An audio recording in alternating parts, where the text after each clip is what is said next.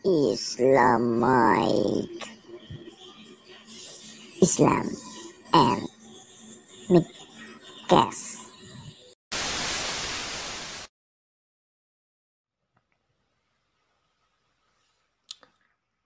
Hey yo, what's up guys? Assalamualaikum warahmatullahi wabarakatuh. Balik lagi nih di podcast Islam Mike, Islam and Micast. Ya, eh, episode sebelumnya eh, saya sudah mengajak teman-teman untuk berkenalan dengan apa itu podcast Islam Mike, ya kan? Dan siapa saya sebagai penyiar Islam Mike. Oke. Mungkin saya ingatkan lagi flashback kembali sedikit Islam Mike sebagai podcast uh, yang memberikan sharing terkait dengan pengalaman keberagamaan yang di mana ini kita ambil uh, dari sudut pandang agama Islam ya uh, dan tentunya bagaimana kita bisa mengamalkan ajaran-ajaran agama Islam ini untuk kehidupan kita yang lebih baik ke depannya. Dan pastinya disesuaikan dengan zaman yang uh, kita hadapi saat ini. Oke, di episode sebelumnya kita lebih membahas tentang hal hal-hal yang berkaitan dengan apa yang ingin kita uh, sharing apa ingin saya uh, jela berikan juga bagikan kepada teman-teman di podcast Islamak ini. Itu uh, segala sesuatu yang, yang berkaitan dengan keberagamaan dan juga pemuda. Nah, karena pemuda adalah generasi penerus bangsa, ya kan, pelanjut estafet sejarah sebuah bangsa dan juga lebih-lebih pada agama itu sendiri. Maka dari itu, pemuda saat ini tidak hanya melek teknologi, tidak hanya melek uh, dunia modern yang sedang ia gandrungi saat ini, kan tetapi bagaimana dari sistem teknologi atau moder atau era modern yang uh, ia hadapi saat ini bisa menjadikan peluang untuk dia menyebarkan lebih menyebarkan ajaran-ajaran kedamaian dari agama itu sendiri. Nah, bagaimana kemar eh, di episode sebelumnya kita mulai dengan menampilkan sifat ataupun sikap yang tercermin dalam ajaran agama Islam yaitu ahlakul karimah yang berarti eh, sebaik-baik akhlak. Karena ya tidak bisa dipungkiri teknologi di zaman modern ini banyak memberikan dampak negatifnya juga ternyata. Di samping memberikan dampak positif ada dampak negatifnya bagi moralitas bangsa termasuk juga para pemudanya pengikisan etika ataupun juga norma-norma sopan santun di masyarakat juga menjadi hal yang harus diperhatikan dengan baik.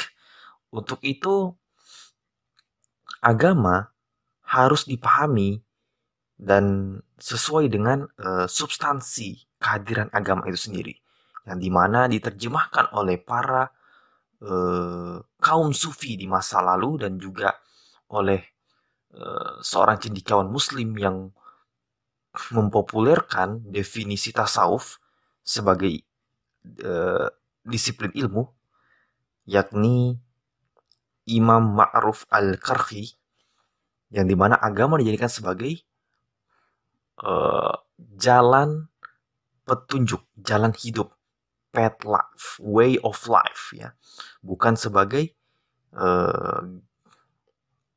pembeda identitas di kalangan masyarakat. Walaupun memang itu uh, hal yang uh, sebenarnya ada.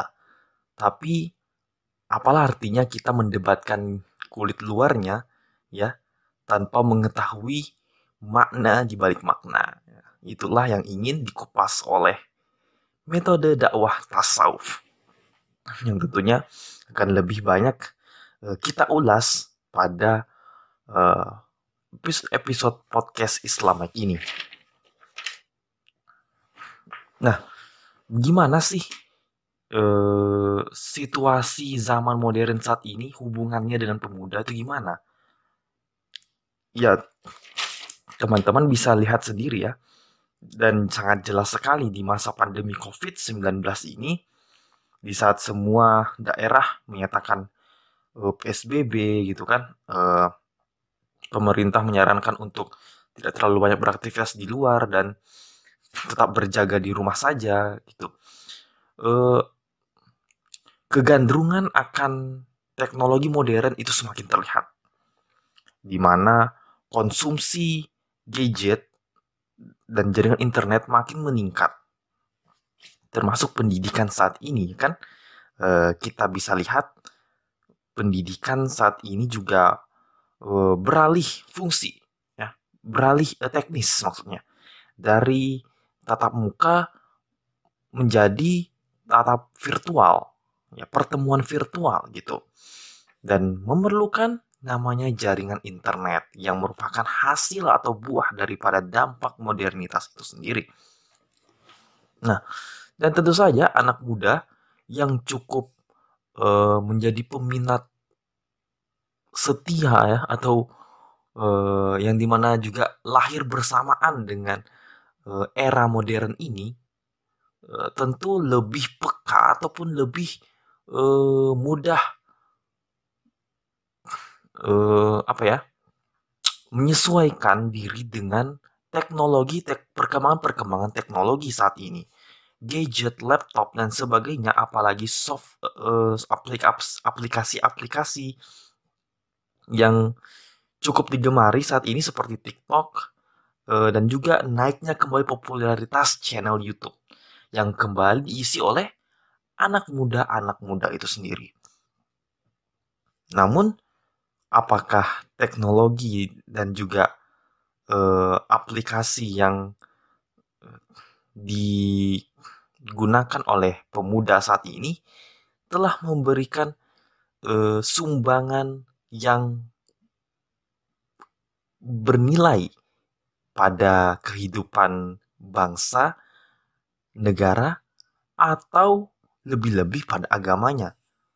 Ya harusnya dengan perkembangan teknologi saat ini, pemud ajaran dakwah keagamaan, terutama dakwah Islamiyah, itu bisa lebih menyebar dan lebih mengena kepada tujuannya atau maudhu'nya.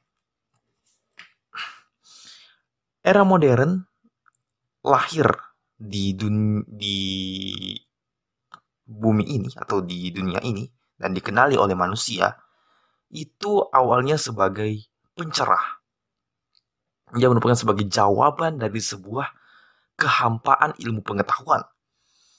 Pembebas dari hegemoni pemikiran sebelumnya. Namun, semakin kemari kita melihat justru perkembangan era modern ini lebih banyak mereduksi unsur penting dalam hidup manusia.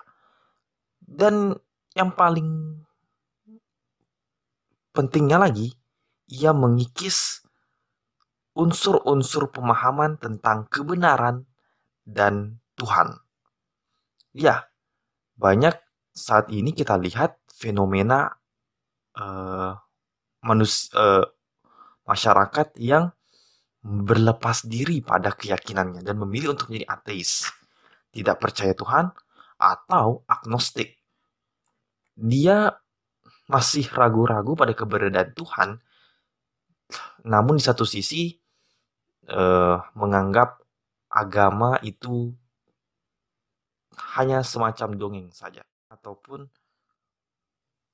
eh, hal-hal yang berbau fiksi gitu, seperti yang katakan Rocky Gerung ya. Tapi pemaknaannya berbeda lagi, berbeda lagi dengan pemaknaan yang dimaksud oleh Rocky Gerung. Oke, kita tidak membahas ke situ.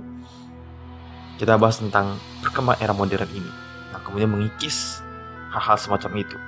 Dan juga semangat kemodernan ini perlahan-lahan mengikis nilai-nilai kebenaran, kehormatan, dan etika yang sebelumnya telah menjadi benteng kokoh dalam kehidupan bermasyarakat umat manusia. Di mana mereka hidup kental dengan adat istiadat yang begitu menjunjung tinggi norma-norma kesopanan, keadilan. Dengan hadirnya eh, era modern ini, tanpa disadari telah mengikis nilai-nilai seperti itu, yakni eh, ya kalau istilahnya sekarang adalah menjauhkan yang dekat, mendekatkan yang jauh. Ya mungkin ya dari kalimat ini sebenarnya dilema dilematis ya, ada negatif, negatifnya ada positifnya. Tapi kita bisa ambil contoh dari kalimat ini. Uh, lalu gimana nih sebagai pemuda muslim yang memegang teguh dua uh, warisan dari Nabi Muhammad SAW seperti dalam hadisnya. Nabi wariskan Al-Quran dan Sunnah sebagai petunjuk hidup umat Islam. Apakah masih relevan dengan uh, perkembangan dunia saat ini? Tentu saja masih. Apalagi uh, Allah Subhanahu wa taala juga menjanjikan keontentikan uh, kitab sucinya hingga akhir zaman. Ya artinya Allah pun, pun Allah pun punya campur tangan, takdirnya pun punya dan ia ia pun memiliki kehendak. Dia pun memiliki kehendak untuk mempertahankan nas-nas ataupun ayat-ayat suci Al-Quran. Tetap eksis di muka bumi ini. Dalam pemahaman para sufi ataupun ataupun para ahli tasawuf, zonasi ayat itu terbagi dua.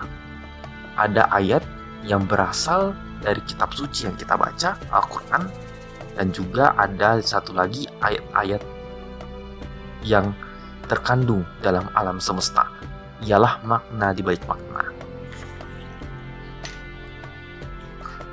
dan kita tidak bisa pungkiri bahwa di era modern seperti saat ini eh, manusia akan mengalami rasa kehidupan yang jauh dari ketenangan bak ketenangan batin yang dihasilkan dari perenungan spiritualitas. Jangankan perenungan spiritualitas, spiritualitas yang berdampak pada ketenangan batinnya.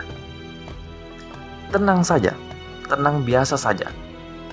Menjadi sulit menjadi sulit dan uh, sangat jarang untuk diperbincangkan di era modern yang serba kerja keras ini. Karena saking sibuknya manusia dalam mengejar dalam mengejar hal-hal yang mat, mat, materialistik dan apa yang mereka anggap masuk akal, yang mereka anggap masuk akal adalah yang nyata di hadapan mereka. Itulah yang juga menjadi faktor mengikisnya nilai-nilai kebenaran dan kebertuhanan di tengah-tengah masyarakat. Dan kegemilangan-kegemilangan dunia nyatanya telah berhasil menutup rapat-rapat hati manusia dari yang namanya ketenangan spiritualitas itu sendiri. Entah kenapa Hal itu memalingkan manusia dari makna ia hidup di dunia ini. Namun Allah Subhanahu wa taala telah telah memberikan warning kepada hamba-hambanya melalui surah At-Takasur yang di mana Allah Subhanahu wa taala berfirman A'udzubillahi minasyaitonirrajim Bismillahirrahmanirrahim Alhaakumut takasur hatta zurtumul maqabir. Bermegah-megahan telah melalaikan kamu sampai kamu masuk ke dalam kubur. Artinya, kehidupan bermegahan di dunia ataupun ketenangan mungkin baru dapat ia rasakan ketika ia sudah masuk di liang lahat. Karena kesibukannya pada hal-hal yang fana. Nauzubillah. Semoga kita dijauhkan dari hal-hal yang semacam itu. Maka dari itu, pemuda saat ini harus melek. Pemuda saat ini harus bangun. Jangan sampai ia tenggelam kepada kesibukan duniawi yang walaupun semakin memberikan uh, efek modern tersebut. Kan tetapi ada satu hal yang manusia lup, manusia modern luput dari hal itu, yakni ketenangan jiwa atau batin. Dan sebenarnya ya, agama apa pun memiliki uh, metode tersebut yang perenungannya itu disebut dengan jalan mistik atau kita sebut dalam uh, metode dakwah yang kita ulas saat ini yaitu tasawuf. Dalam rangka mendekatkan diri pada Tuhan. Agama apa pun. Di dan juga agama-agama resmi di Indonesia punya metode seperti itu. Akan tetapi uh, tidak semua ya tidak semua praktik dari agama-agama tersebut yang menggunakan metode jalan mistik itu penggu apa pelaku yang dapat dikatakan sufi karena istilah sufi e, digunakan secara terbatas untuk menyebut mistik yang dianut oleh umat Islam. Nah, apa itu sufi dan bagaimana seluk-beluknya kita akan bahas di episode-episode selanjutnya, insya Allah. Dan dalam era modern ini, tanda berpikir dari manusia di era modern ini ya ini adanya kecenderungan besar untuk memahami realitas secara parsial atau di mana mereka menganggap bahwa segala sesuatu itu terjadi secara terpisah. Pohon tumbuh ya karena dari pohon itu sendiri, dari tumbuh berkembangnya pohon itu sendiri.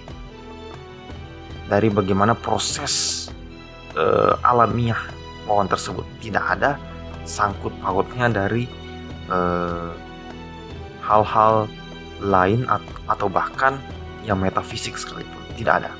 Dan itu berlawanan dengan ajaran mistisme keagamaan yang memandang segala hal punya keterkaitan erat sebagai satu kesatuan atas dasar ke kemestaan atau ada yang mengatur daripada kehidupan alam semesta ini Nah, menurut cendikiawan muslim lainnya Ibnu Ata'illah ia menyebutnya itu sebagai yang ilahi. Yang ilahi adalah bersifat serba maha yang melampaui pemahaman akal manusia yang hanya mampu menangkap realitas secara terpotong-potong tidak tidak menyeluruh. Inilah pemikiran eh, yang bisa dikatakan telah telah memahami hal-hal yang transenden telah uh, mempercayai uh, zat yang imanen dalam dirinya. Ia mengetahui bahwa ada sesuatu yang jauh di sana, di atas sana yang mengatur keberlangsungan hidup ini. Dan dia juga yakin bahwa sesuatu yang maha besar itu berada dekat dengan dirinya, mengawasinya sehingga ia mampu berkehendak atas apa yang terjadi di alam semesta ini. Seperti itulah uh, pemikiran uh, singkat ya terkait para ahli tasawuf ataupun juga uh, mereka uh, yang menggunakan agama sebagai penenang jiwa, sebagai solusi dari uh, kehidupan bermegahan di dunia. Lalu uh, ada pendapat juga dari guru besar psikologi Islam PT IQ Jakarta yaitu Pak Darwis Hude. Ia mengatakan metode tasawuf itu sebagai ilmu kerohanian bagi umat muslim yang punya fokus untuk penyucian jiwa dan tidak memandang batas tempat dan zaman dalam pengamalannya apalagi di masa modern saat ini. Manusia banyak yang haus akan spiritualitas. Tidak ada jadi tasawuf eh, relevan untuk setiap zaman dan juga eh, kenapa relevan karena dia merupakan bagian daripada eh, ilmu ilmu pengetahuan ataupun eh, ajaran Islam yang nasnya tadi sudah saya katakan dijamin oleh Allah taala terjaga hingga akhir zaman. Seperti itu. Dan ya yang perlu kita ketahui pula bahwa tasawuf ini sifatnya elementer. Artinya dia mampu memberikan makna dari segala permasalahan yang dihadapi oleh manusia di dunia ini. Dan juga dapat sesuai, dapat digunakan kapan pun dan di mana pun oleh manusia itu sendiri dalam memahami arti hidupnya. Ajar-ajaran dalam tasawuf itu yang bisa kita ambil untuk uh, ag- agar kita bisa terlepas dari kemegah-megahan mod- uh, era modern ini itu ada tafakkur perenungan diri kita merenungkan uh, siapa diri kita mengapa kita ada di dunia dan seterusnya. Lalu kemudian bertasyakur tasyakur bersyukur atas nikmat Allah bersyukur atas ke kehidupan yang masih diberikan pada kita hingga saat ini. Sehingga masih ada peluang waktu untuk berbuat lebih baik lagi. Lalu tazakur mengingat Allah di dalam jalan kita untuk uh, bekerja, jalan kita untuk beribadah, jalan kita untuk mencoba memperbaiki diri. Coba untuk terus mengingat Allah. Ingat Allah, ingat Allah, ingat Allah dalam hati dan pikiran kita sehingga dalam apa pun yang kita lakukan kita selalu menanyakan apakah Allah ridho dengan apa yang kita lakukan saat ini. Lalu tadabur. Terakhir tadabur itu memahami ciptaan Allah serta akibat-akibatnya. Pahami kenapa kita harus beribadah kepadanya. Kenapa kita harus mensyukuri nikmat Allah. Kenapa kita harus istilahnya kalau dalam di dunia ini kita harus bertahan hidup, bekerja, mencari nafkah. Bahwa di balik semua itu, bahkan pekerjaan-pekerjaan duniawi saja, ada nikmat yang Allah selipkan di situ. Ada pelajaran yang Allah selipkan di situ. Yang bisa kita ambil hikmahnya untuk kehidupan lebih baik di masa yang akan datang. Dan apakah metode tasawuf ataupun pengenalan kita terhadap ajaran ajaran agama kita itu eh, dengan apa ya fokusnya kita pada pengamalan ajaran agama kita itu betul-betul menjauhkan kita dari kehidupan dunia dan seolah membuat kita betul-betul artinya anti pada dunia oh ternyata tidak menurut Haidar Bagir di kawan muslim di Indonesia yang juga yang ahli dalam pembicaraan tentang filsafat dan tasawuf tasawuf di era modern adalah alternatif yang mempertemukan jurang kesenjangan antara dimensi ilahiyah dengan dimensi duniawi. Jadi ajaran ataupun ajaran yang berupa wahyu yang diturunkan oleh Allah Subhanahu wa taala ke dunia ini itu sangat relevan dan merupakan sebuah uh, bekal sebelum kita menghadapi kehidupan dunia.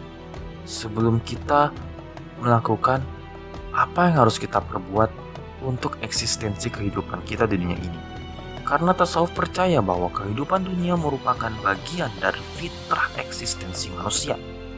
Di sisi lain, ya justru tasawuf itu justru memberi uh, adalah sarana menuju kepada kebahagiaan akhirat.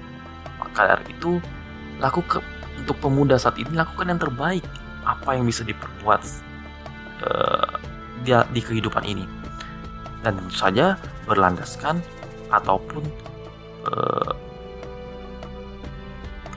dengan tetap memegang teguh keimanan ketakwaan kita kepada ajaran agama yang kita yakini. Sehingga apa yang kita tanam hari ini akan kita, kita tuai karena apa yang kita tanam hari ini akan kita tuai pada hari kemudian. Untuk itu, tanamlah bibit yang paling terbaik hari ini agar kita menuai hasil yang sempurna di hari yang akan datang sehingga tidak ada rasa kecewa. Dan pernyataan tentang kekecewaan selalu datang di akhir. Itu langsung hanya menjadi mitos belaka untuk uh, teman-teman pemuda dan memacu semangat para pemuda untuk bisa menjadi uh, bagian dalam ledakan kreativitas yang produktif. Terutama untuk Indonesia. Dan Indonesia butuh pemuda-pemuda yang seperti itu.